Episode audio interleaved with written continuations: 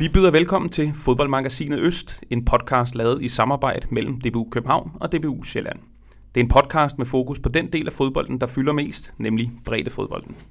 I dag taler vi med to af dem, der sidder for bordenden i hver sin fodboldklub. To fodboldklubber, der samtidig er to af de største øst for Storebælt og også i Danmark. I dag skal vi tale om det at lede en fodboldklub, og i særdeleshed en fodboldklub af den størrelse, som vores to gæster er formænd for. Hvad betyder det for fællesskabet i klubben, for demokratiet, for nærheden, lokalsamfundet, når fodboldklubberne når den størrelse, og hvilke krav sætter det til dem, der leder dem? Det og meget mere er udgangspunktet for dagens program. Men først vil jeg byde velkommen til dagens to gæster, der sammen med undertegnet sidder med god afstand i det her øh, corona-tid. Jan Sørensen, formand i Boldklubben Skjold, som i DIFs seneste medlemstal, jeg kunne finde, øh, talte 2330 medlemmer. Velkommen, Jan. Tak skal du have. Og ved den anden mikrofon har vi Christian Barrett, formand i Brøndbyernes IF, der var op på 1498 medlemmer i seneste medlemstal. Tak.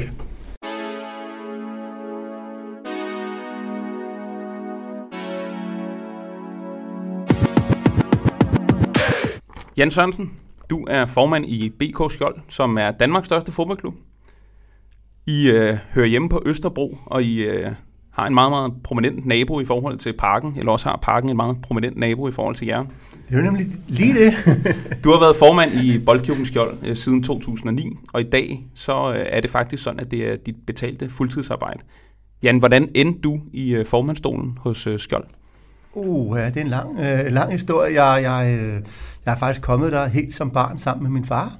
Øhm, og, men har aldrig selv spillet der, men kom bare sammen med ham og var øh, blev gode venner med en senere formand øh, på min alder, og, øh, og, og den vej, da, da vi så var blevet voksne, og, øh, og jeg var startet som øh, træner, så, så på et tidspunkt blev jeg spurgt, om ikke jeg havde lyst til at øh, blive træner i klubben. Så på den vej kom jeg ind, og så ved at være træner, så lærte jeg jo rigtig mange øh, nye mennesker i klubben at kende, og øh, jeg var lige væk og kom tilbage igen som noget sportschef og så videre, og øh, ja, og så var der på et tidspunkt der, hvor det ikke kørte så godt. Vi var nogle stykker, der fandt ud af, at øh, der var et eller andet galt, øh, og, og lige stak hovederne sammen, om ikke øh, vi skulle prøve at se, om vi, vi kunne, kunne øh, gøre noget, der var bedre end, øh, end det, vi kunne fornemme, der var ved at ske. Øh, og så, ja, som det nu sker, så kom vi så en hel gruppe ind, ikke? Øh, der, der, der tog over. Og Christian, du er formand i Brøndbyernes IF, som er DBU Sjællands næststørste fodboldklub.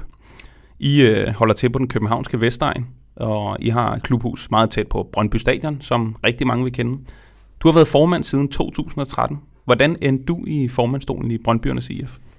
Ja, yeah, det... Øh, jamen, jeg startede min, min tid i Brøndby, øh, det var som, øh, som træner for min øh, søns hold tilbage i, øh, i 2005, tror jeg det var. Og øh, jeg var fodboldtræner nogle år, og øh, det passede ikke altid helt godt med mit job i forhold til de tider, der var, så øh, jeg gik hen og blev øh, afdelingsleder og sportsleder, primært i, øh, i de årgange i dag, der spiller 5-8-mands fodbold.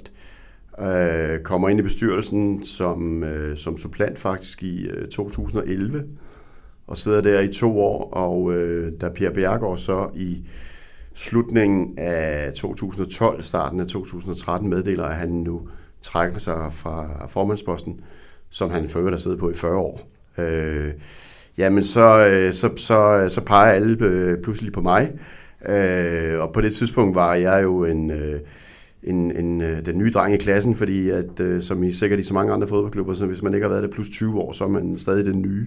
Så jeg var stadig den nye, men, øh, men alligevel var det meget, de valgte at pege på, og det var jeg selvfølgelig meget bedre over at få lov til at være formand i en, en fodboldklub som Brøndby, og øh, det har været en fornøjelse lige siden. Og mit navn, det er Kasper Bo Jensen, og jeg er så heldig at være vært i den her udgave af fodboldmagasinet Øst. Tak fordi I lytter med.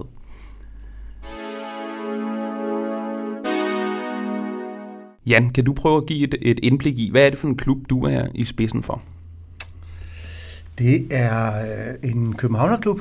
Vi, vi har sådan et, et mål om, at vi vil, i og med at vi også er så store, så synes vi, at øh, vi, vores klub bliver bliver kan man sige, mest spændende og interessant, hvis vi øhm, har en medlemskar, der, der afspejler byen. Og det vil sige, at vi har sat som mål at øh, få hele den øh, mangfoldighed og forskellighed, som byen rummer ind. Øh, og det handler også lidt om, at, at vi selv synes, det, kunne, altså, det ville være kedeligt, øh, hvis vi kun, øh, hvis bare, nu siger jeg, vores lille spilgruppe, vi, vi bor jo nærmest på Østerbrogade, øh, og det kunne godt blive, vi kunne godt komme til at ligne hinanden rigtig meget, øh, hvis ikke vi gør noget aktivt for det. Så, så det, er det, det er den ene indgangsvinkel, og den anden er, at vi, øh, vi er en øh, breddeklub, og vi øh, har, har ikke som mål at øh, komme øh, i hverken øh, første eller Superligaen eller noget, men, men øh, vi har et mål om, at vi vil skabe en klub, som øh, er et omdrejningspunkt for lokalområdet, øh, for byen, for de mennesker, der bor i nærheden af os, på den måde, at, øh, at vi skal kunne mere end bare spille fodbold. Øh, altså, bare det der med at have en, en, et klublokale, som øh, kan man sige, i gamle dage, der havde vi jo sådan en, en rockerbar med fadølsanlæg, øh, og det er godt nok svært at få Benjamins mor til at komme i sådan et klublokale. Så, så hvis vi skal have, have hende ind og synes, at det er spændende, så er vi nødt til at skabe nogle andre rammer. Øhm, og hvis vi også gerne vil, vil, vil, vil have den der betydning, som, øh, som vi mener, vi er ved at få, så, så synes vi også, at, at kan vi sætte, vi vil gerne være fodboldklub, men vi vil rigtig gerne sætte en masse aktiviteter i gang rundt om fodbolden, sådan så fodbolden er kernen, men vi kan sætte alt, øh, skal sige, alt hvad din fantasi nu kan komme på, som kan på den ene eller anden måde kan gøre det mere spændende og sjovere at komme i klubben, eller tilføre nogle ressourcer. Øh, bare, kort sagt, bare gøre det til en federe klub.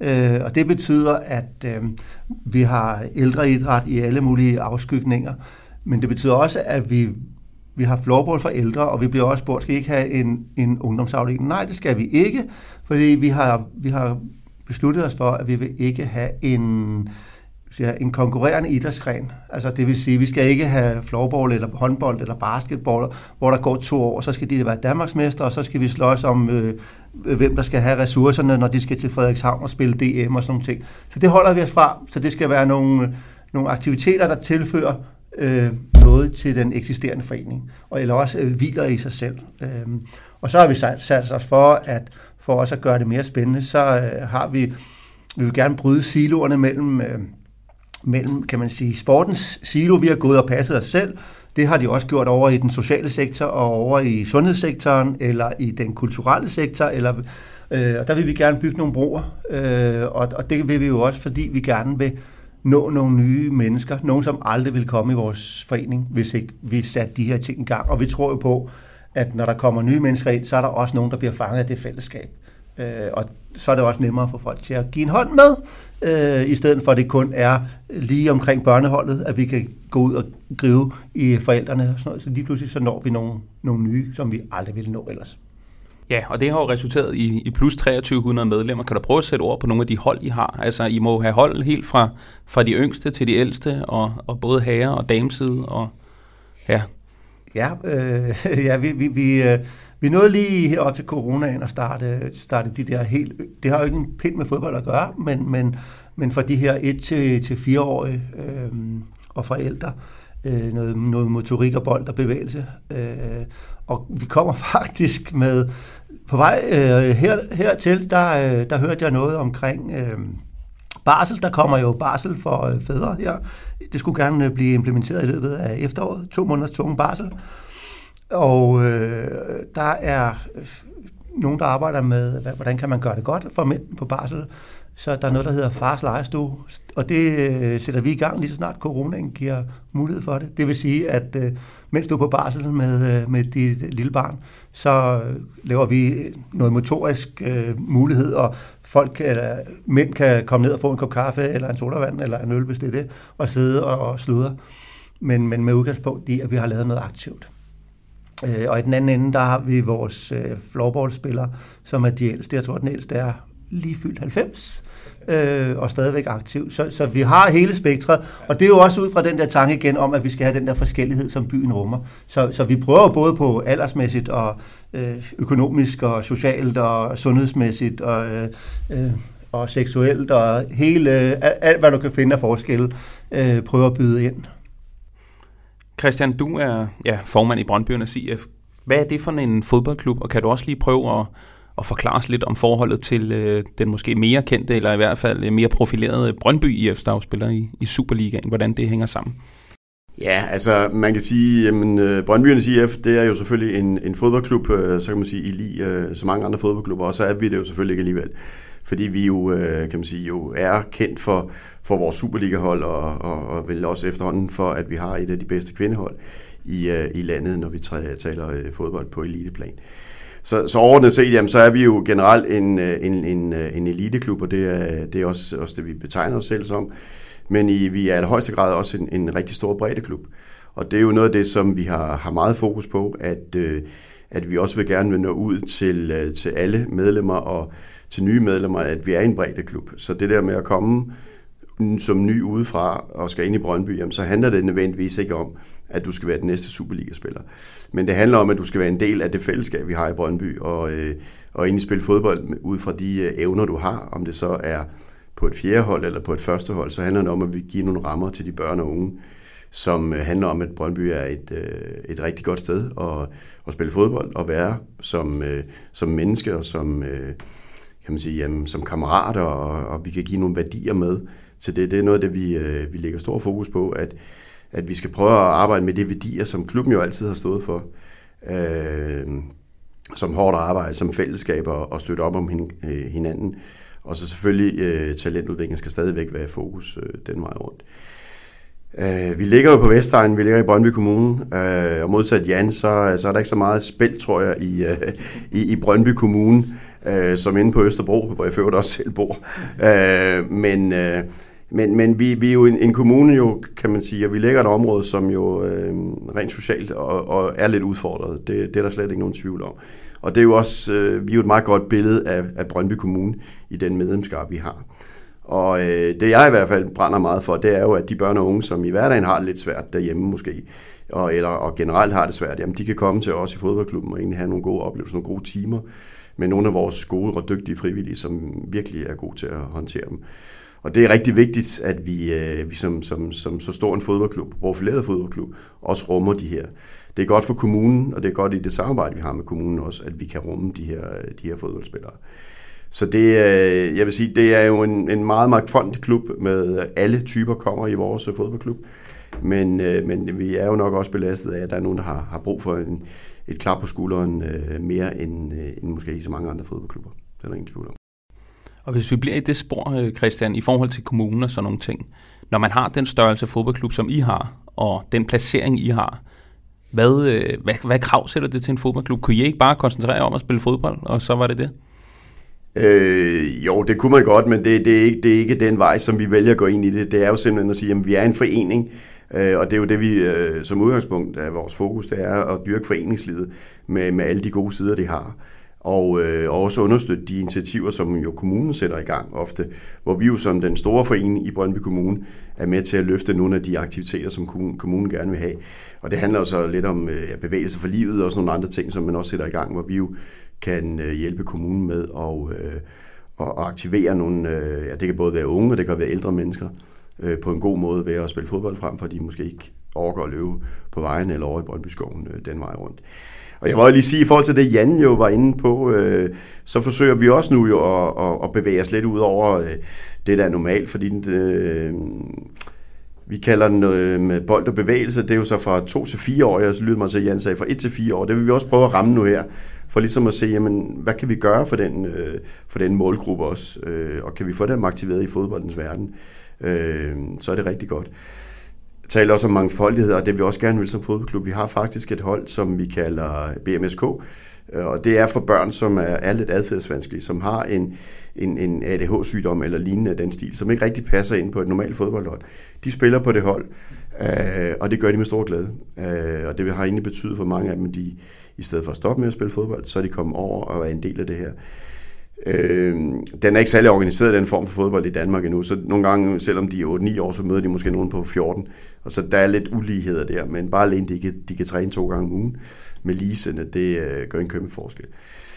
Så vil jeg også sige, øh, vi er jo også en som en af de få store klubber, øh, har et futsalhold.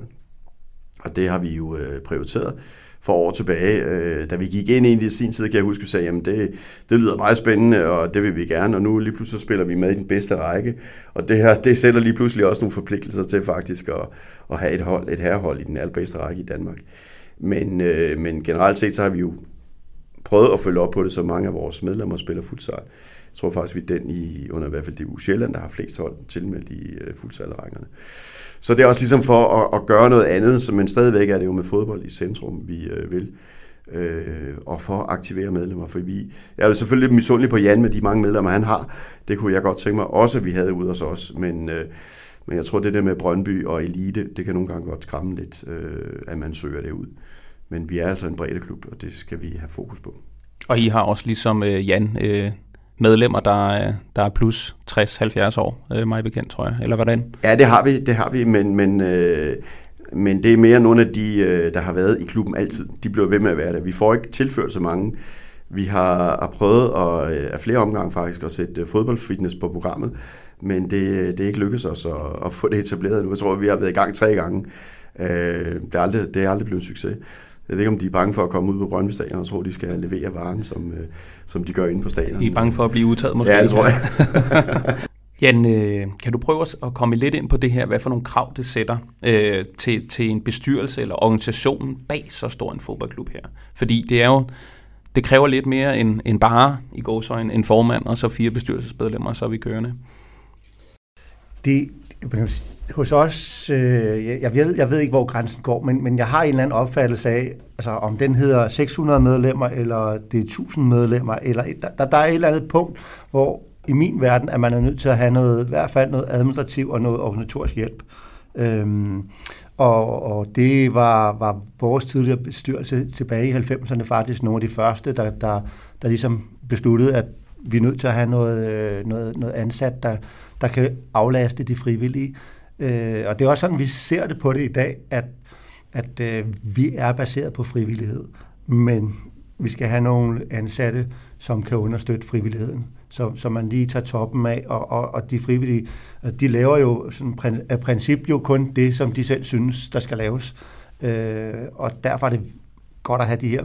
Vi, øh, vi har en, en administrator, og, øh, og vi har øh, to, nu her fra, fra marts, der har vi også to fuldtids øh, organisatorer, eller hvad vi skal kalde dem. Øh, det hedder noget andet også nu. Vi, øh, fordi vi også har ansatte, og vi har en god organisation, så, har vi, så fik vi en stjerne i licenssystemet her sidste år.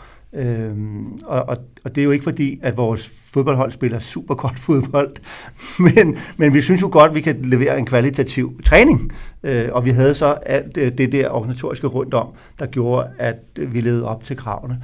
Øhm, så, så, så, så nu har vi øh, et par folk, der, der, der udelukkende tager sig af fodbold også. Ikke? Øhm, og så har vi jo, netop fordi, at der, der springer så mange øh, spændende projekter ud af os, så får vi lidt øh, løst ansatte øh, projektansættelser ind øh, til, og det er jo dem, der, som siger, der, der gør det lidt mere festligt, i stedet for, at, øh, at vi bare skal, skal pakke bolde. Og, og, og apropos det, så er det jo også vi bor, øh, det hedder så, på bagsiden af Østerbro Stadion, og der er vi gud langt over til fodboldbanerne. Og det kan være en rigtig sur chance at være frivillig og komme øh, styrtende øh, fra arbejdet og skulle ned og hente bolde, og så skulle fra os, den længste bane derovre ved Rigshospitalet, og der, altså, det tager vi gud... Øh, ja, det tager lang tid at komme derover, hvis man er gående, og hvis, specielt hvis man skal slippe bolde og toppe.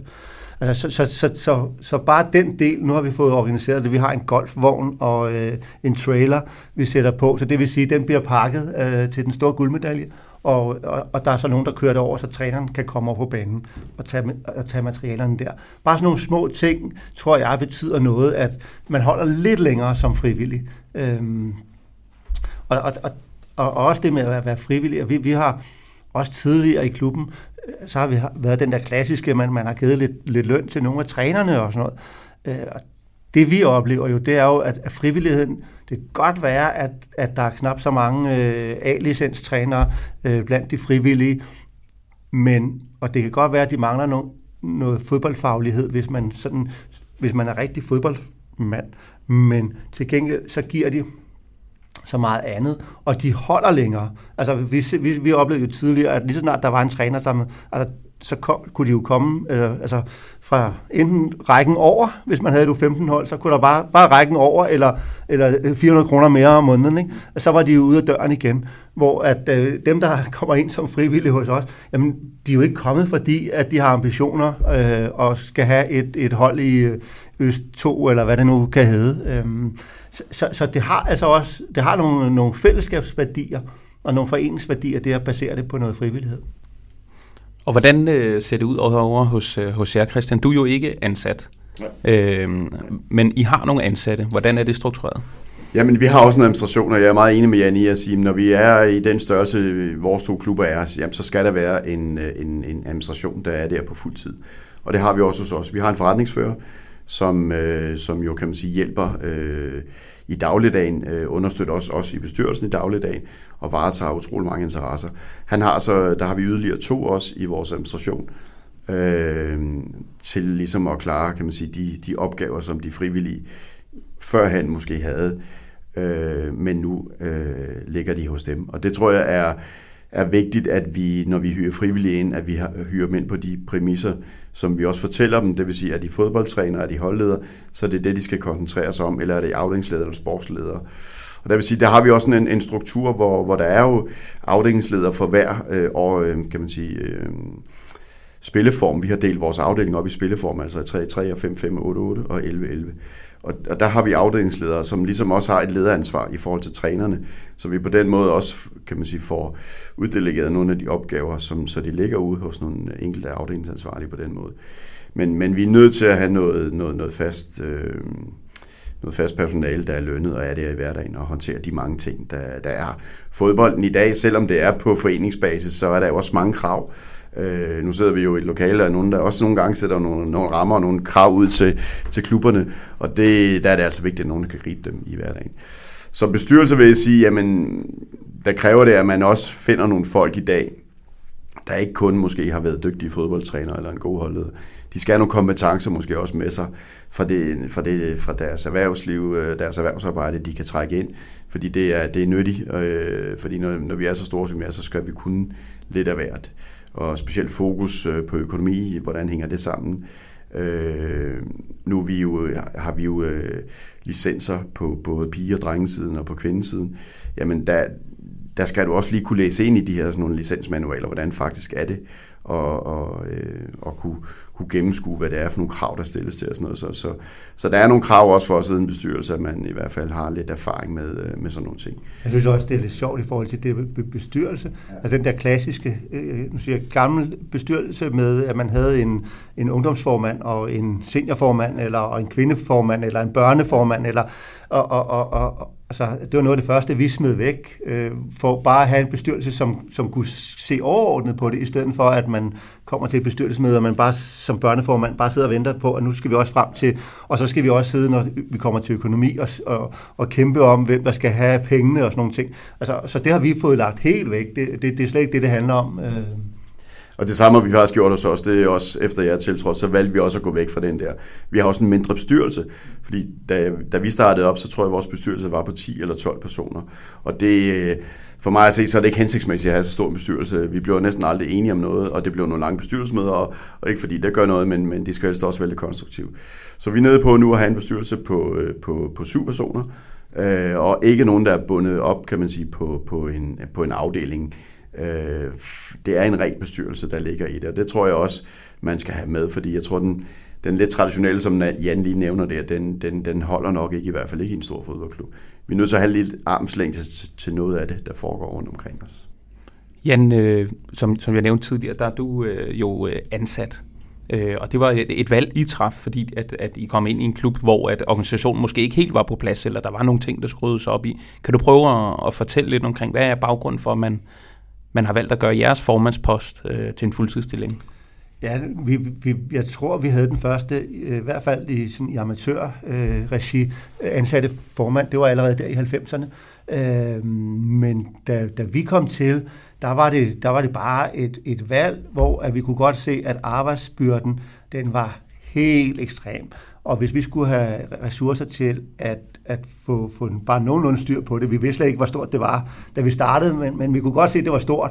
Øh, så, så det var ligesom udgangspunkt, vi er nødt til at, igen at have, at have nogle ansatte, fordi de tidligere havde netop, der var ikke, og det vil, og en af grundene til, at det gik galt, var det der med, at arbejdsmængden bare var steget dem over hovedet.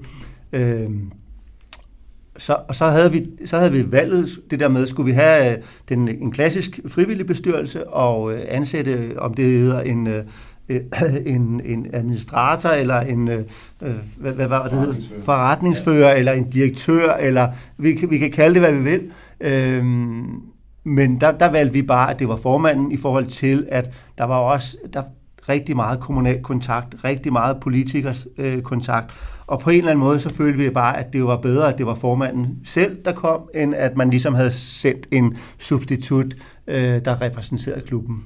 Øh, så, så det var der, vi endte, og så, så, så kan man altid det der med, det er det første, der er nogen, der siger, jamen hvad så, hvis du bliver væltet, så bliver du også fyret.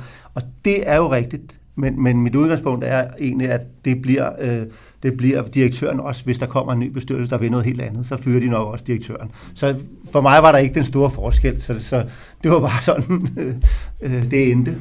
Ja. Hvorfor er du ikke ansat, Christian? Jamen altså, for det første har det jo aldrig ligget i kortene i, i, øh, i Brøndbyens IF, at formanden har været, øh, været ansat, kan man sige.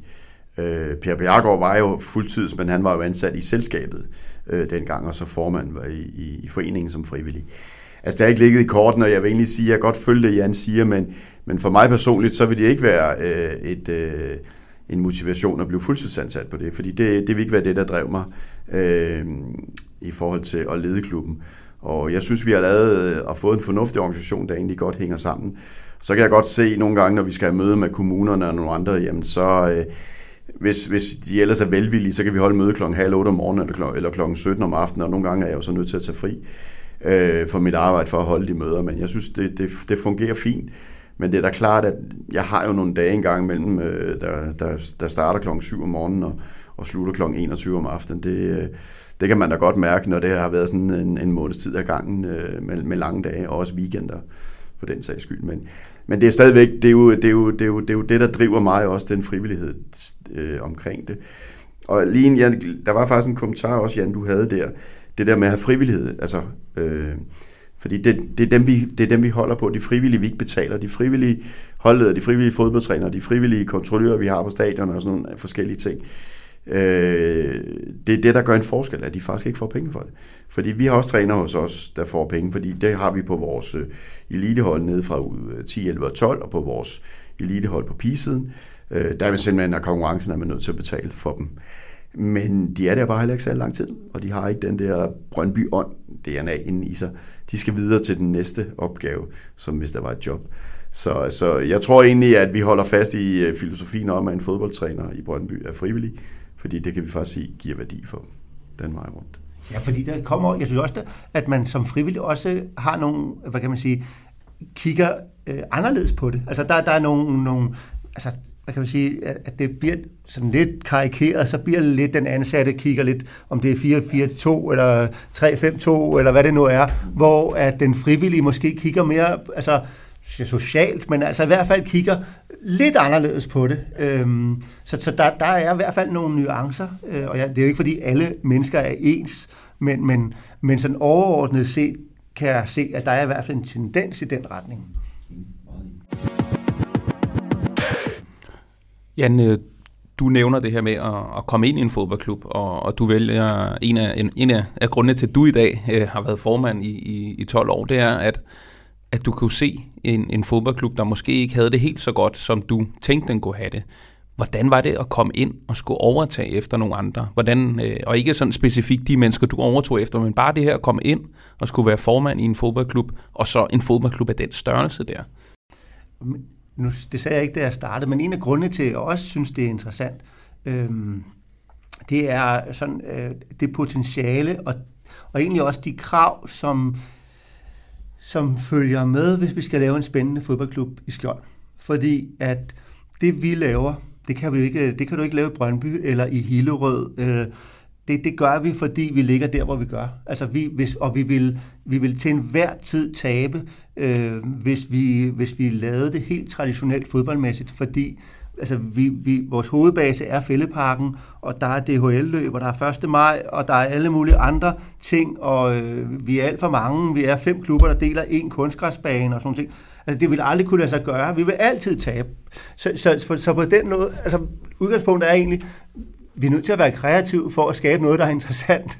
Øhm, og det synes jeg er lidt sjovt. Altså, jeg, jeg er også, øh, jeg har selv vokset op i Fremad Valby, øh, og spiller der faktisk også. Øh, men, men det er, øh, det er så meget en, nu siger jeg, en rigtig eller en traditionel fodboldklub. Så, så, så det vil slet ikke ligge i, det, i, i DNA'et øh, der. Jeg elsker at komme der, men der er bare nogle andre muligheder.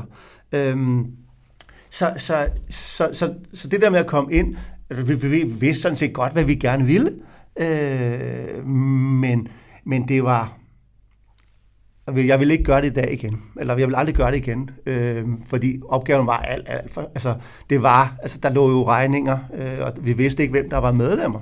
Altså vi, vi, vi var, der var pænt mange medlemmer, men, men, men der var ikke nogen, vidste hvem der var der, og dem, der stod i kartoteket, det var ikke dem, der var der, og sådan nogle ting. Altså, øh, jeg kan huske, vi kom til øh, der i december, øh, og det har sikkert været der i sidste marts, eller i starten af april, eller sådan et eller andet, så er der en, der ringer og siger, at nu var han godt nok træt af at blive smidt væk fra fodboldbanen. Nå, men hvad, hvad siger du, du hedder?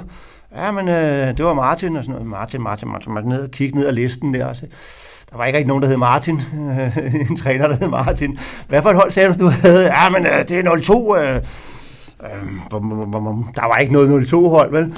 Øhm, og så viser det sig, at, at, at han har gået over på en skole og trænet i gymnastiksagen hele vinteren, og det er blevet forår, og så skal man jo fældeparken og gå over og træner. Og da han ikke står nogen steder, så er det klart, så er der nogen andre, der har banen. Øh, og så beder de ham jo om at, at flytte sig. Øh, så, og det var der, vi startede. Øh, altså, det var virkelig... Øh, altså, altså, det, det, og der var ikke en krone. Vel? Altså, det, kan vi få to bolde? Om I har der to bolde. Altså, det må være rigeligt. Vi har ikke nogen penge, så I må klare med de to, vi har. Øhm, og sådan var det virkelig. Altså, vi, altså, og vi var ikke ret mange. Altså, det er jo klart, at folk står ikke i kø, når det altså, når det sejler, så står folk ikke i kø for at hjælpe, vel? så vi var ikke så mange. Der var heldigvis øh, nogen, som, som, som smøg ærmerne op, ikke? men, men øh, og, og, altså, det var totalt kaos. Øh, og derfor har det været en meget, meget lang rejse. Øh, Øh, og, og hvad tog det? Er det fire år før vi måtte igennem sådan en rigtig rekonstruktion med søgerhandelsretter og indgå en akkordordning med, med, med, med kreditorerne og sådan noget, og ud og skaffe så mange penge. Vi, altså, vi havde en i klubben, der, der lavede ungdomsfester og sov i klubben. Altså, han boede der jo nærmest. Altså, han havde, han, vi, vi købte virkelig altså, en sovesofa, så han kunne sove dernede. Ikke? Øh, altså, og, altså, hvor man tænker, det, det kan ikke lade sig gøre. Altså, og jeg vil også sige, altså, hvis, hvis man kendte opgavens omfang, men også drop det. det kan altså, og det var, der var jo også masser, der sagde til os, luk skidtet, ikke? Øh, start forfra. Men der var bare, en, vi var bare, nu havde vi taget over, og vi, altså, der var, vi er fra 1915, ikke? Så, så der var jo ikke så mange år til 100, 100 års historie gå, altså, det, nej, nej, nu smøger vi om, vi ser om ikke vi kan, ikke? Og vi havde jo også en tro på, at det kunne. Øh, så, og det lykkedes jo så også. Øhm, i er her i hvert fald endnu. Ja. men, men vi skal også lige med, altså på det tidspunkt havde vi jo faktisk et kvindehold i den bedste række, og vi havde øh, et herrehold, de var i anden division, og, og, og øh, altså og som jeg siger, der var ingen penge, så det var ikke noget med, at altså, jamen, vi skal til Jylland og spille. Ja, det skal I, men, men, men I, må, I bliver nødt til selv at finde ud af det. Jamen, vi kan, kan vi ikke? Nej, fordi altså, der er ingen penge. Altså, det er ikke et spørgsmål om. Og de der træner, der fik lidt... Altså, jeg vil, oh, men kan vi lave en aftale om, at jeg får halvdelen? Øh, det, det, det kan jeg ikke, for jeg har ikke, jeg har ikke halvdelen. Altså, så der, du er velkommen til at være her, men vi har ingen penge. Altså, og, og som jeg siger, det var vildt, at vi havde ikke råd til bolde. Altså, vi kunne ingenting. Hvad, hvad, og du ved, med, med, med spilletøj og sådan noget. Og, øh, jeg var nødt til, vi var nødt til at lave en aftale. Jo. Jeg kunne jo ikke forpligte mig til noget som helst. Som den der normale, at man laver en, en, en aftale om, at vi køber så meget og får noget rabat. Mm, jeg kan ikke, vi vil gerne købe dit tøj, men jeg kan ikke love dig, at vi køber noget. Christian, du øh, overtager en klub, der har haft den samme formand i 40 år. Mm. Øh, og jo har drevet det på sin måde, og, og og struktureret klubben efter det, og været med til at bygge klubben op og alt sådan noget. Og så kommer du ind, som, som du selv sagde, den nye dreng i klassen. Hvordan, øh, hvordan var det at skulle overtage?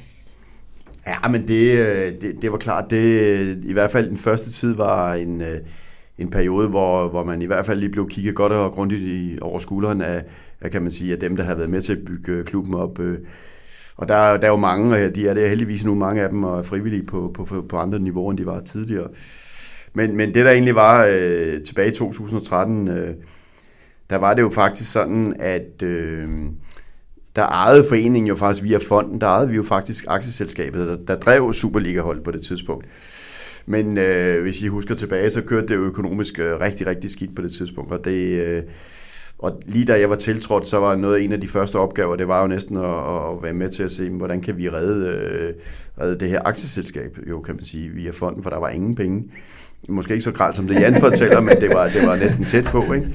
Og, øh, og, og der var, jeg mødte mange øh, sjove mennesker i den periode, vi sådan forhandlede med, der gerne ville overtage øh, Brøndby, og det var, det var ikke alle sammen, der talte øh, sådan den europæiske accent på nogen måder. Øh, så det var, det var en spændende og sjov tid, men egentlig også meget uhyggelig, fordi man gik jo hele tiden med det scenarie, at hvad hvis vi går konkurs som, som fodboldklub? Så har jeg lige pludselig overtaget sådan en helt konkursbo næsten, og skal sidde og bygge op øh, forfra hele vores ungdomsafdeling på talentsiden.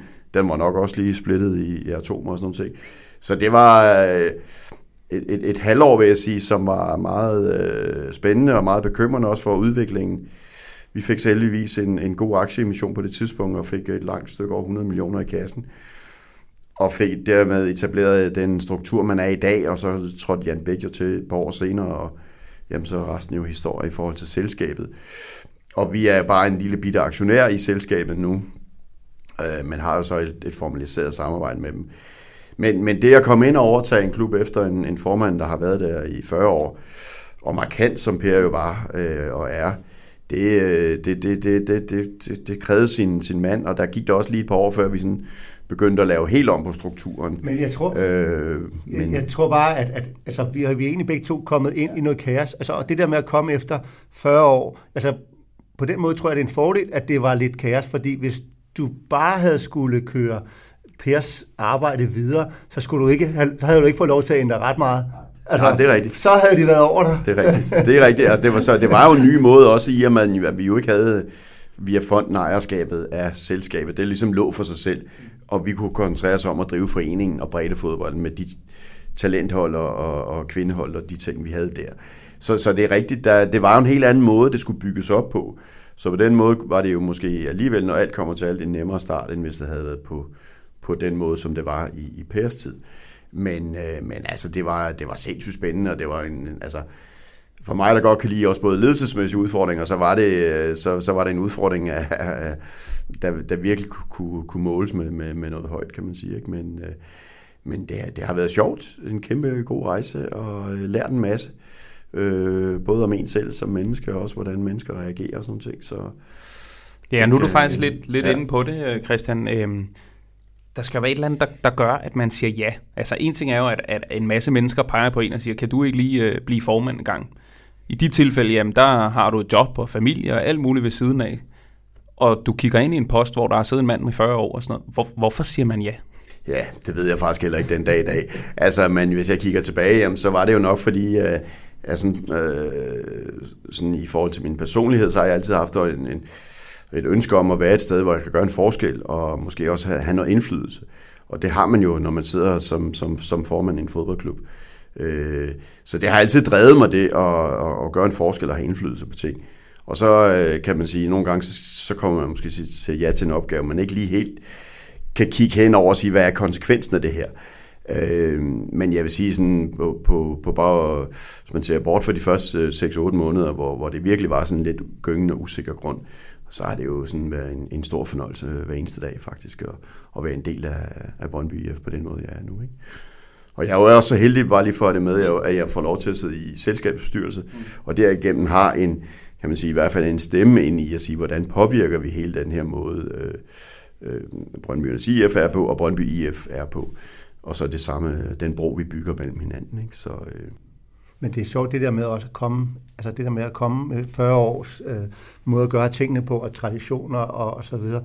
Og som som de også i Superligaen kæmper lidt med i dag, og, hvor at, altså jeg var jo, på den måde var jeg jo begunstiget i, at, at Skjold aldrig har været øh, noget. Altså, øh, begyndt først at blive større i 90'erne, ikke? og inden da var det bare en lille lorteklub i Fældeparken. Øh, altså, så, så vi havde, altså, jeg havde jo ikke... Altså, jeg har jo ikke nogen, der har været Danmarksmester øh, tilbage i tiden, eller en eller anden stor øh, ældre øh, afdeling med, med folk, der har spillet på førsteholdet og i første division tilbage i tiden. Altså på den måde havde vi mm, helt fri hænder var. Ja. Og det er jo en, det er en helt anden, øh, hvad kan man sige, måde, eller mul, nogle helt andre muligheder, vi har, end når man har den der rygsæk, som man er nødt til at forholde sig til. Ja, men altså, ja, fordi du har, du, du, jeg følte i hvert fald forpligtelse, at jeg overtog noget, som, som man skulle passe på. Altså, vi, vi var øh, øh, en af de førende fodboldklubber, øh, og har været det gennem mange år, og, øh, selvfølgelig lidt, lidt længe siden, vi har været Danmarksmester, var her siden, men, men alligevel, der ligger noget omkring øh, Brøndby-brandet, som jeg har følge en forpligtelse til at passe ordentligt på, og også gøre tingene på, på den måde, det skulle gøres, men, men kunne også godt se, at der skulle noget fornyelse til, øh, hvis vi skulle blive ved med at, at bevæge os øh, fremad. Og specielt skulle der noget fornyelse til, at vi øh, på breddesiden jo øh, kunne gøre større. Det, det er ikke lykkes helt endnu, men jeg synes, vi er på vej, og jeg er kun imponeret af det, I gør derinde, men, men du har fuldstændig ret, I kan gøre det derinde, fordi ude hos os, vi har altså 20 fodboldbaner, vi har fire kunstbaner, og alligevel synes folk, at vi mangler, at vi mangler øh, ressourcer, ja, var jeg lige ved at sige, i form af baner og sådan forskellige ja. ting. Ikke? Og jeg siger også nogle gange, øh, der er nogle andre klubber, blandt andet ikke så længe siden, vi havde besøg af Lysingen fra, fra det jyske, som faktisk også er en stor fodboldklub, som driver den på to fodboldbaner øh, med 1200 medlemmer. Øh, og nogle gange siger I, I skal simpelthen med derop og se det der, når de nogle gange kommer og siger, hvorfor mangler vi det og det? Vi har nogle fantastiske forhold, og i forhold til Jan, så er det bare, ja, det er jo næsten hummelvin om igen. Ikke? At det, ja, men det er jo to forskellige verdener, ikke? og derfor er vi også nødt til at gå ja. til det forskelligt. Ja. Øh, og det synes jeg jo bare, jeg synes jo, det er super fedt. Altså jo, jo netop, at der er forskelligheder her. Jeg synes jo, og det er jo også derfor, vi går til det, fordi hvis vi bare lavede det, nu siger jeg, som alle andre, altså der, der må jo godt være en grund til, at man går hos os. Altså der er jo, altså vi, vi, vi er jo heldigvis nået så langt, så der er også nogen, der melder sig B93, fordi de skal i hvert fald ikke over til os. Altså fordi, altså Altså, ej, det er, over, ikke? Det, det er noget andet fodbold. Ikke? Og, og, og det er jo fedt, altså, fordi så får jeg også nogen ind, som synes, at, at den måde, vi har gjort det på, det er det, de synes er godt. Christian, du er lidt inde på, på det her med, ja, øh, når man, når man bliver så stor og sådan noget. Jan, i forhold til øh, det at have så mange medlemmer, det, det er jo selvfølgelig et, et stort arbejde, men, men hvad kan det give af fordel, og ja, som i jeres tilfælde at være, være mere end 2.000 medlemmer? Oh, jamen, jeg synes lidt, at fordelene er jo, at altså man kan jo sige, at, at altså, at, at ved at være mange, så, så altså, nu siger vi bare, hvis man tager 10 procent af, fra, altså, når man har 10 hold, så kan du nøjes med at tage 10 procent, så har du lige pludselig øh, et hele, eller et helt, en, en helt ansat, eller altså, at, at, at, at man kan sige, hvis du kun var 50 mennesker og skulle skulle bare dække en ansat, jamen så, så skulle man betale ret meget, hvor at, at nu, kan, nu kan den enkelte Øh, indskud, kan man sige, det er ikke særlig højt. Øhm, så på, på den måde giver det jo øh, nogle store fordele. Det giver også, øh, altså det giver, det giver jo også, kan man sige, rent fodboldmæssigt. Øh, der har vi jo så også valgt at, at gå, en, gå en anden vej, øh, og, og det, den mulighed vil vi heller ikke have, hvis ikke vi havde været mange. Altså vi har jo valgt at sige, at, at vi, øh, kan man sige, man, er, man, man må godt vi kalder det basis og ekstra gruppe, øh, og basis, det er, det er dem, som øh, kommer en gang om ugen, eller øh, og skal i sommerhus, eller til øh, fødselsdag, eller du ved, hvor man skal, som jeg plejer at sige, vi skal have 50 unger for at stille et femmandshold, ikke?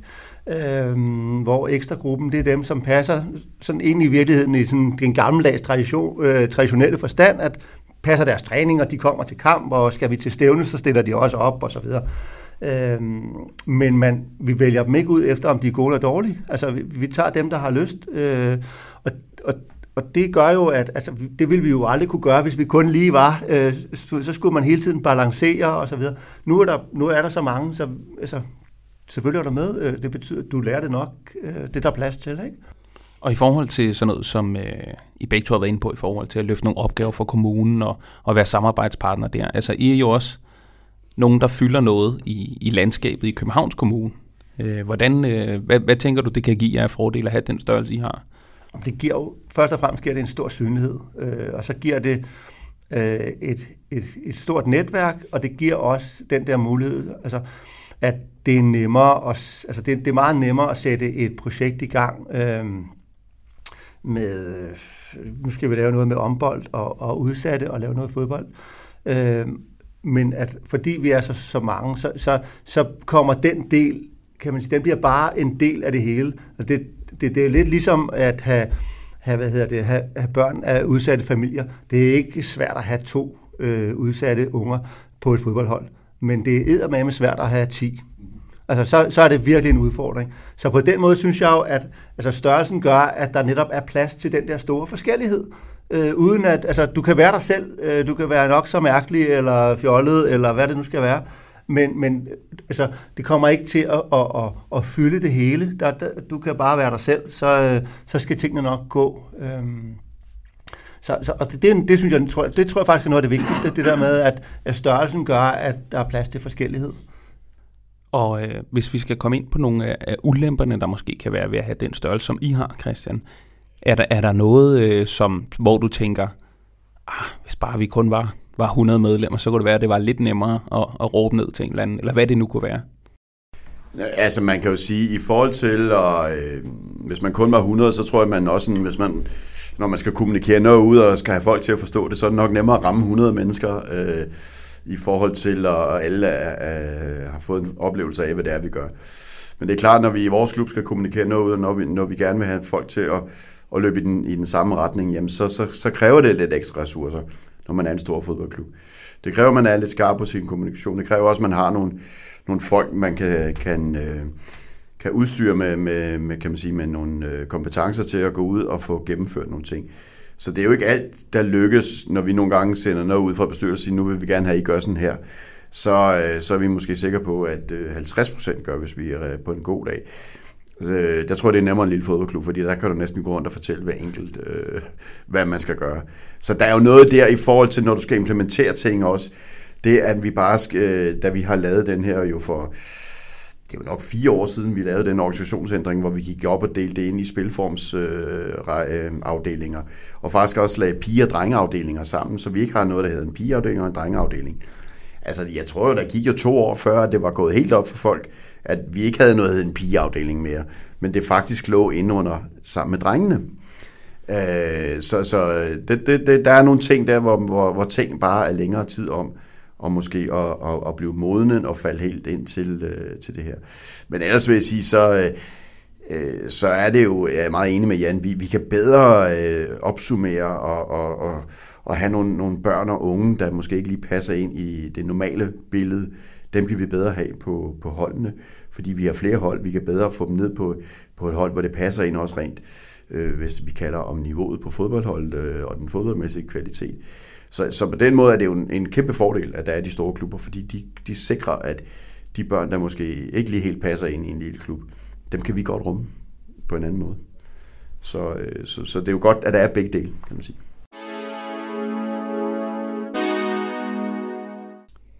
Omkring fællesskabet i så stor en fodboldklub, som I har, Jan.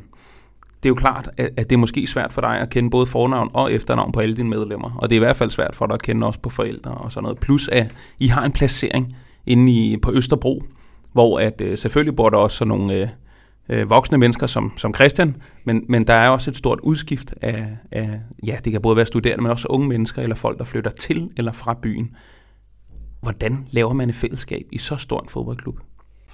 Vi har, eller, eller kan man sige, vi, vi, vi, vi startede egentlig med en stille undren, øh, fordi vi har vores øh, lille nabo der øh, med et større stadion lige ved siden af, og øh, der er jo masser hos os, der øh, kan holde med dem om søndagen, der kan tage en hvid trøje på, og øh, altså, jeg siger ikke, at vores gør det, men, men der er jo noget grotesk i, at man kan tage en hvid trøje på, og så kommer der nogle andre mennesker i en gul trøje, og så kan man komme op og slås og det er ved Gud to virksomheder, der er på børsen. Altså, så går man over i sin egen fodboldklub, som man øh, øh siger, ejer på helt lige fod med alle de andre, der spiller i den fodboldklub. Og så er man mere eller mindre ligeglad med, hvad der sker. Og det, det, og det, det må vi jo gøre noget ved. Det kan ikke være rigtigt. Øhm, men, men og, og så tog vi fat, og vi har jo, vi har jo også det der med, at altså, en generalforsamling, jeg oplever lidt, at det er ligegyldigt, om, om man er øh, 100 mennesker i foreningen, eller om man er 1000 eller 2000. Der kommer de her 20 mennesker, øh, med mindre der er noget på spil. Altså, så skal de nok komme. Men, men ellers, man kommer, hvis, siger, hvis huslejen stiger, eller man ikke må have hund, ikke? Eller, og så også, hvis, man, hvis øh, kontingentet stiger, eller træningstiderne bliver dårlige, ikke? så kan det være, at man, man kan øh, komme. Øh, Øh, og, det, og det begyndte vi jo så at arbejde med, og sige, men, men, men der må kunne gøres noget. Jeg har været ude i alle mulige sammenhæng, prøve at finde, øh, finde inspiration og sådan noget. Så vi, jeg tror, vi var de første, der, der, der indførte sådan den, den, siger, den gradvise øh, digitalisering. Øh, vi har, nu har vi en generalforsamling, hvor at man ikke behøver at være der, øh, men der, der er et forløb op til generalforsamlingen, øh, og så mødes vi og ser hinanden i øjnene, øh, og, så, og så går vi derfra uden at have stemt, og så får alle øh, medlemmer en øh, digital øh, stemmeseddel på, på samme måde som hvis man skal til overenskomstvalg eller øh, til øh, hvad hedder sådan noget energiselskabets repræsentantskab eller pensionsselskabet osv. osv. Øhm, og, og, og jeg siger ikke at det i det, i det det er ideelt, eller det er den færdige. Det er tværtimod det. Men det var bare for at tage nogle skridt øh, og se, om ikke vi kunne gøre det bedre, og det gjorde vi også. Altså, vi, vi var oppe at være 170, der stemte. Og, altså, det er nok ud af 2.000. Nej, det er det da ikke, men det er da et skridt, når man kommer fra, fra 15-20 mennesker. Altså, øh, så, så, men, men for mig handler det, det hele det der med, at, at jeg synes, at vi, hvis vi skal overleve, så er jeg helt sikker på, at at vi bliver nødt til at vise, at vi har en betydning for, for, for vores medlemmer, eller altså vores fællesskab. Øhm, jeg, jeg, jeg, jeg tror lidt på det, øh, altså, jeg ser lidt sådan, kalder det meningsøkonomi. Jeg tror, der er, der tror, vi har en, at vinden er lidt øh, i ryggen på os i øjeblikket, i forhold til, at, at, at at øh, da, da oplevelsesøkonomien kom ind, så der blev idrætsforeningerne totalt blæst øh, bagover, og noget aldrig at finde ud af, øh, hvad der skete. Øhm, øh, og, øh, og nu begynder det at være altså, nu, som siger, meningsøkonomi på den måde, at det skal, det skal betyde noget for de mennesker, der er der. Og, og jo mere betydning vi kan lægge ind i det, jo bedre tror jeg, det er. Eller jo, jo, jo, og det er også derfor, at vi, det der med at lave nogle sociale projekter, lave nogle kulturelle, lave nogle kunstprojekter, øh, nogle sundhedsprojekter. Jeg tror, at ved at være tydelige med, hvad vi gør, hvor vi gerne vil hen, og sådan noget, så tror jeg, at, at vi kan få træk, tiltrække nogle flere mennesker, der føler, at det er deres klub. Øh, det er jo lidt, altså, i, vi kender det jo alle sammen, altså, at, at bestyrelser har jo sådan traditionelt været øh, nogen som Christian og meget gamle øh, mænd, øh, og, øh, og groft sagt, så var der ikke en kæft, der vidste, hvad der skete med økonomien eller noget som helst. Altså, vi kunne øh, bruge, bare vi ikke stjal pengene, så var der ikke nogen, men vi kunne, og, og det hele blev brugt, altså i, i amatørklubberne, så der blev det hele brugt på førsteholdet, der var ikke, altså, det var der sgu ikke nogen, der kunne se, vel? Øhm, fordi det var, det var jo vennerne, der sad der, øhm, og så længe det bare kørte, så var man glad og tilfreds. Og der tror jeg bare, at ja, jo, jo, jo større åbenhed, og jo mere inddragelse og ansvar, man, man, man giver ud, jo, jo, jo større fællesskabsfølelse får vi stille og roligt dannet. Øhm, så, så, så vores rejse, selvom jeg har været der i 10 år, så er det for mig sådan, vi lige startede. Øh, vi er først ved at bygge hele det der øh, fællesskab fællesskaber op, og der er, der er så meget, altså også digitalt, som vi kommer til at arbejde med de næste par år, og se om ikke øh, vi kan, altså, kan gøre det spændende. Øh, altså bare sådan noget som at være passivt medlem, det har vi alle sammen, ikke? Øh, og jeg var så, passiv medlem, altså det var sådan noget fra gamle dage, ikke? hvor at, øh, man havde spillet i klubben øh, fra man var en lille dreng, og så da man ikke kunne spille mere, så blev man ved med at være passiv medlem, ikke? Altså, nej, altså tænk engang, hvor mange øh, forældre øh, vi egentlig begge, begge vores foreninger har, som ikke er medlem. Tænk, hvis man kunne lave sådan et ikke-idrætsligt medlemskab, øh, hvor at man fik del af fællesskabet og fik nogle fordele og op, nogle oplevelser. Hold da op, altså øh, det, det, det vil jo kunne rykke. Så vi er kun lige startet, men det betyder sindssygt meget for os, og, og, og det er et af vores mål jo, at altså, vi, man kan jo kun være, det er jo, det er jo helt vildt, at altså, det fællesskab, som, som, som, som tilskuerne, fangruppen har på stadion, altså, øh, at, at man kan opnå det, og og der er jeg nemlig, altså, der, jeg er helt sikker på, at man godt kan, altså, vi, kunne, vi, vi går der sådan og pusler lidt med, og det handler jo ikke om, at vi skal have 10.000 tilskuere eller noget som helst, men, men, men, men vi vil rigtig gerne have et førstehold, som betyder noget for fællesskabet, sådan så at, at, det, at vi kan bruge det til at mødes i et fællesskab, Og, så er det, og jeg er helt sikker på, at det ikke betyder noget som helst, om vi ligger i København eller Danmark. Det er fuldstændig ligegyldigt. Altså, fordi at hvis man mødes om et fællesskab, og man har en fed oplevelse, og man kan sige, hej Kasper, øh, så, så kommer man også, ikke? og man kan lige tage ungerne med i fældeparken på cyklen, og få en øh, grillpølse, eller en god kop kaffe, eller noget. Ikke? Øh. Christian, I har jo øh, de her øh, næsten 1500 medlemmer, der, der hver øh, fortløbende ugedag iklæder sig en trøje eller en træningstrøje med et Brøndby-logo på brystet. Men hvad gør I ellers sådan for at, at opretholde eller lave et fællesskab i, i jeres fodboldklub? Ja, hvad gør vi? Altså, øh, jeg synes, vi gør mange ting. Altså, historien omkring fællesskabet i Brøndby, den går jo helt tilbage til, ja, til 64, hvor klubben jo egentlig blev stiftet som fusionsklub. Øh, og så frem efter, så har det jo meget af det har været omkring øh, det her med at bygge, bygge et førstehold op, kan man sige, som, som var konkurrencedygtigt og som skulle være det bedste i Danmark. Og det har været fællesskabet hos de frivillige ledere i rigtig, rigtig mange år. Øh, og det er det til del stadigvæk. Og så har fansene jo, som Jan også siger, de har jo sådan taget, taget lidt over på det her fællesskab, og måske også sådan taget det til sig og sagt, nu er det os, der er fællesskabet, dem meget rundt.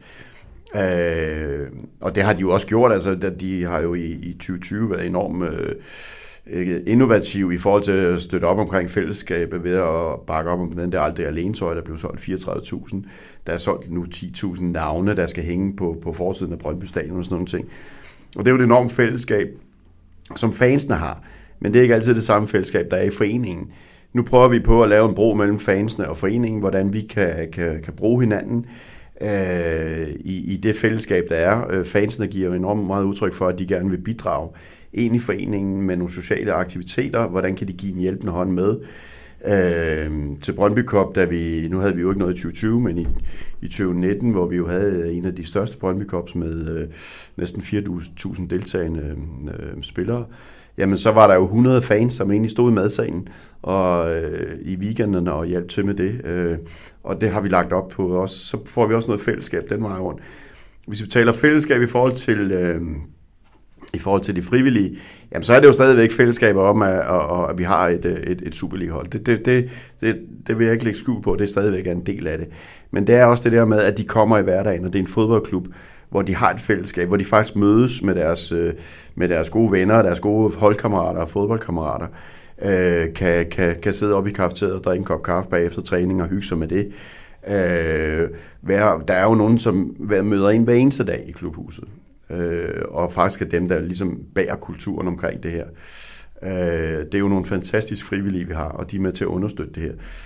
Der hvor jeg, og jeg er helt enig med Jan, vi skal finde på noget nyt også med frivillige, fordi vi møder nu en generation af unge mennesker, der kommer ind øh, til børn til de der 7-8-årige. De er måske ikke så foreningsorienterede, som Jan og jeg er, kan man sige, som jo er født i foreninger, fra vi var fem år her i fodboldklubber rundt omkring. Det er de ikke vant til, og dem skal vi gøre noget andet noget for. Så det der med at tilbyde medlemskab, som Jan er inde på, af forskellige karakterer, give dem nogle oplevelser, det tror jeg, vi som fodboldklub skal tænke ind i os og modernisere os, så det ikke kun er fodbolden, vi er fælles om, men det, det er også nogle andre ting, vi er fælles om. Fordi jeg tror ikke, at den generation, der kommer, der kommer også en generation efter Jan og jeg, der skal sidde i formandstolen i både Skjold og i Brøndby. De vil tilgå det på en helt anden måde, end vi gør. Det er jeg næsten sikker på, at de vil.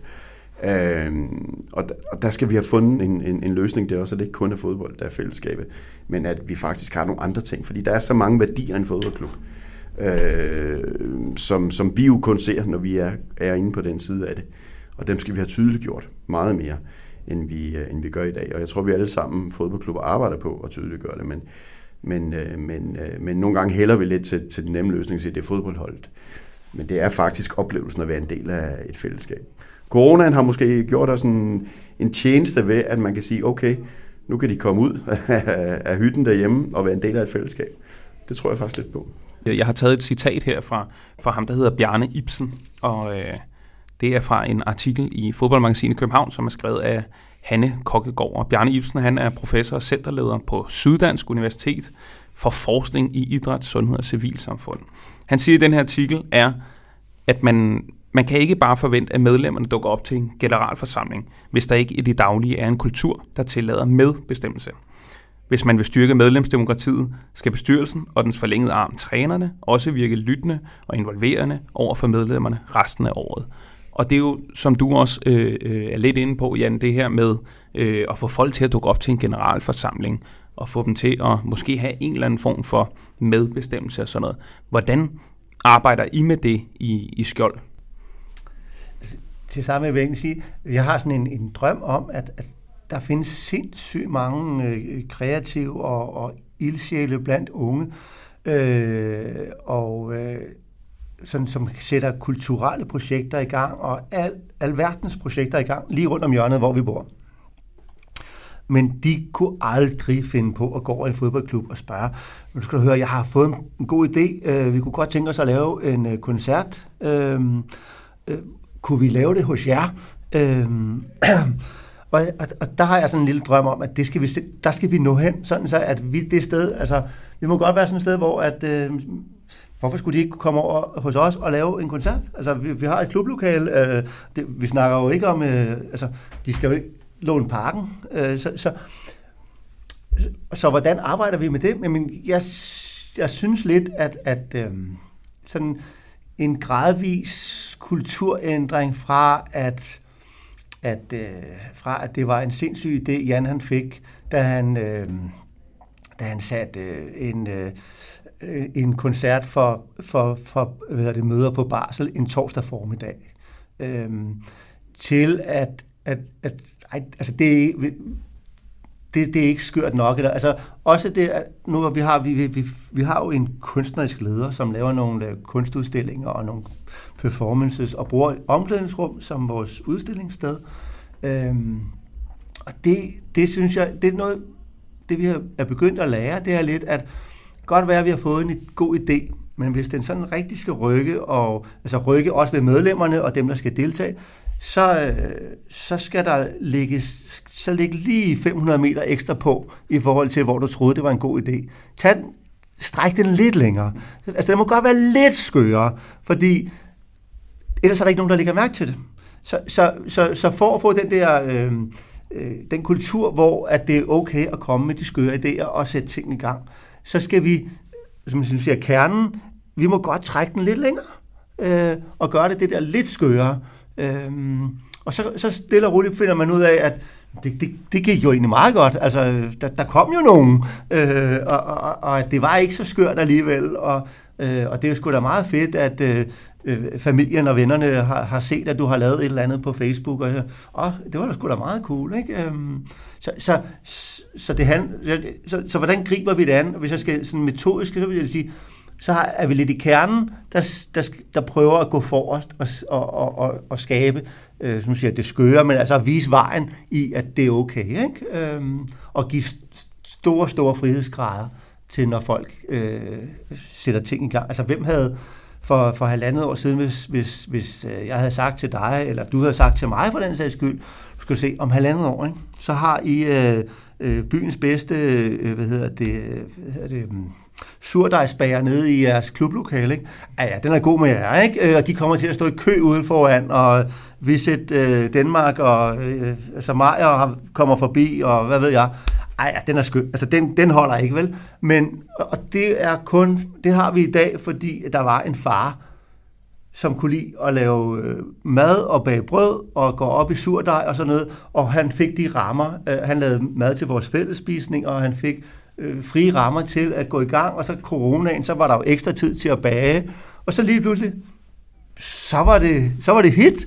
Øh, og, men det handler jo også om, at vi bor, hvor vi bor. Altså, så, så der selvfølgelig skal man tage, tage hensyn til øh, de muligheder, som stedet giver, og hvor man bor, og alle de her ting.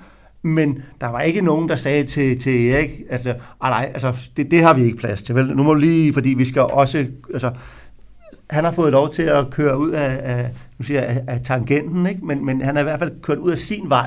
Og så viser det sig, det kunne lige så godt have været, at det ikke var... Men så var der jo ikke sket noget ved det. Og det tror jeg, det er den der øh, tilgang med, at så prøv det, og så lukker vi det ned, hvis ikke, hvis ikke det holder. Så er, der, så er der jo ikke nogen af os, der er døde af det.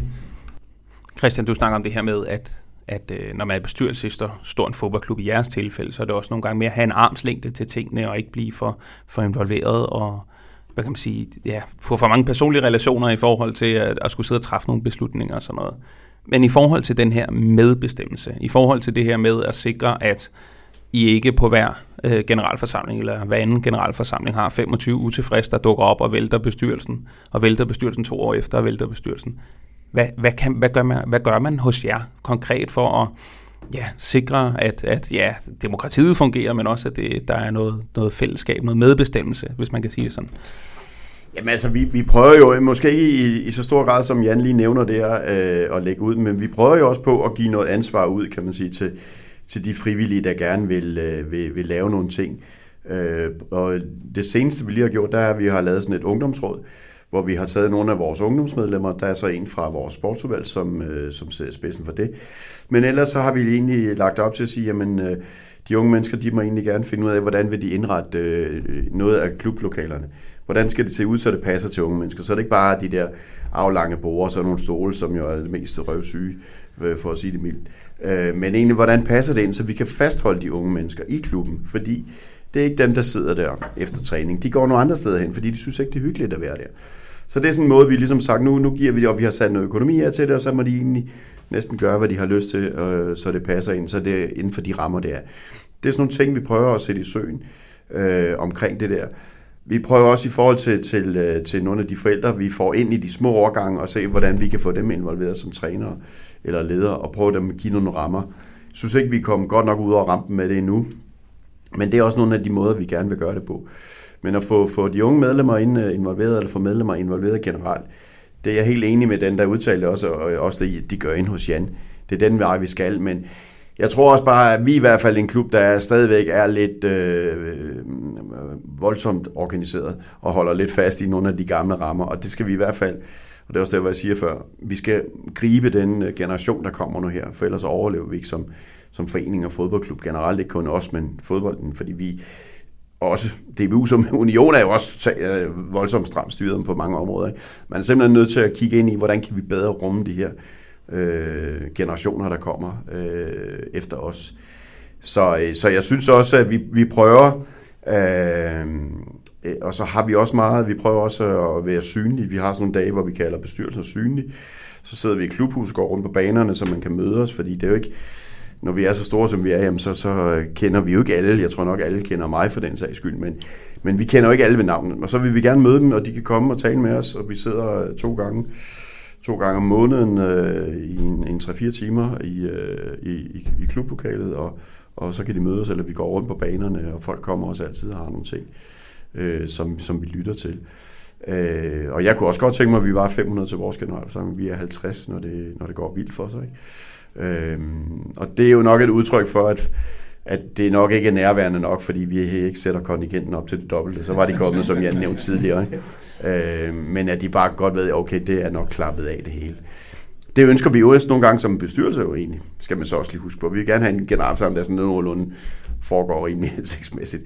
Men det er jo ikke ens betydning med, at vi skal have en god debat. Men det er jo også fordi, at der sker jo reelt, altså der er jo ikke ret meget på selve generalforsamlingen, altså der er nogle formalier, men det, det, er, jo ikke, det er jo ikke der, at den gode diskussion og, og debat, den kommer. Nej, det altså- skal være i årets løb, og der skal man skabe rummene til det, og jeg, jeg glæder mig lidt over de, det ungdomsråd, vi har fået lavet, fordi det, de skal være med til at vokse, og vi skal også måske have nogle kommende ledere ind i det her, der også kommer med nogle, nogle, nogle gode idéer til, fordi øh, de ved meget bedre, end jeg gør, hvordan man indretter et lokale til unge mennesker. Så, så det er den vej, vi skal gå. Bare lige til at slutte af på. Øh, Jan, hvor længe øh, bliver du ved med at være formand i Boldklubben Skjold? Øh, så længe, at øh, der er øh, en positiv udvikling. I det øjeblik, vi bare skal øh, hvad hedder det, drifte, så siger jeg pænt tak. Christian, øh, det er jo kun øh, syv år, du har været formand, så, så der skal jo 34 år endnu til, før du, øh, du har siddet der længere end, end ham, der var der før dig. Hvor længe øh, er du formand i, i Brøndby IF? Jamen, øh, jeg tror ikke, at jeg når øh, 40 års jubilæum, øh, som Per havde. Men, øh, men jeg vil sidde der så længe, jeg synes, det er sjovt, og så længe også jeg kan gøre en forskel, og jeg kan se, at der sker noget. Øh, om det er 2, 10 eller 12 år endnu, det, det er sådan set ikke afgørende for mig. Det er egentlig bare, at også i og med, at jeg jo faktisk er fuldtids frivillig, så skal det også være sjovt for mig, fordi jeg bruger rigtig mange timer ud over mit normale job. Øh, så skal det være sjovt, men øh, hvis det bliver ved med at være sådan, som det har været de sidste syv år, så kan jeg sagtens se syv år endnu i hvert fald. Tusind tak, fordi I har lyst til at være med. Ja, tak. Velkommen. Velkommen.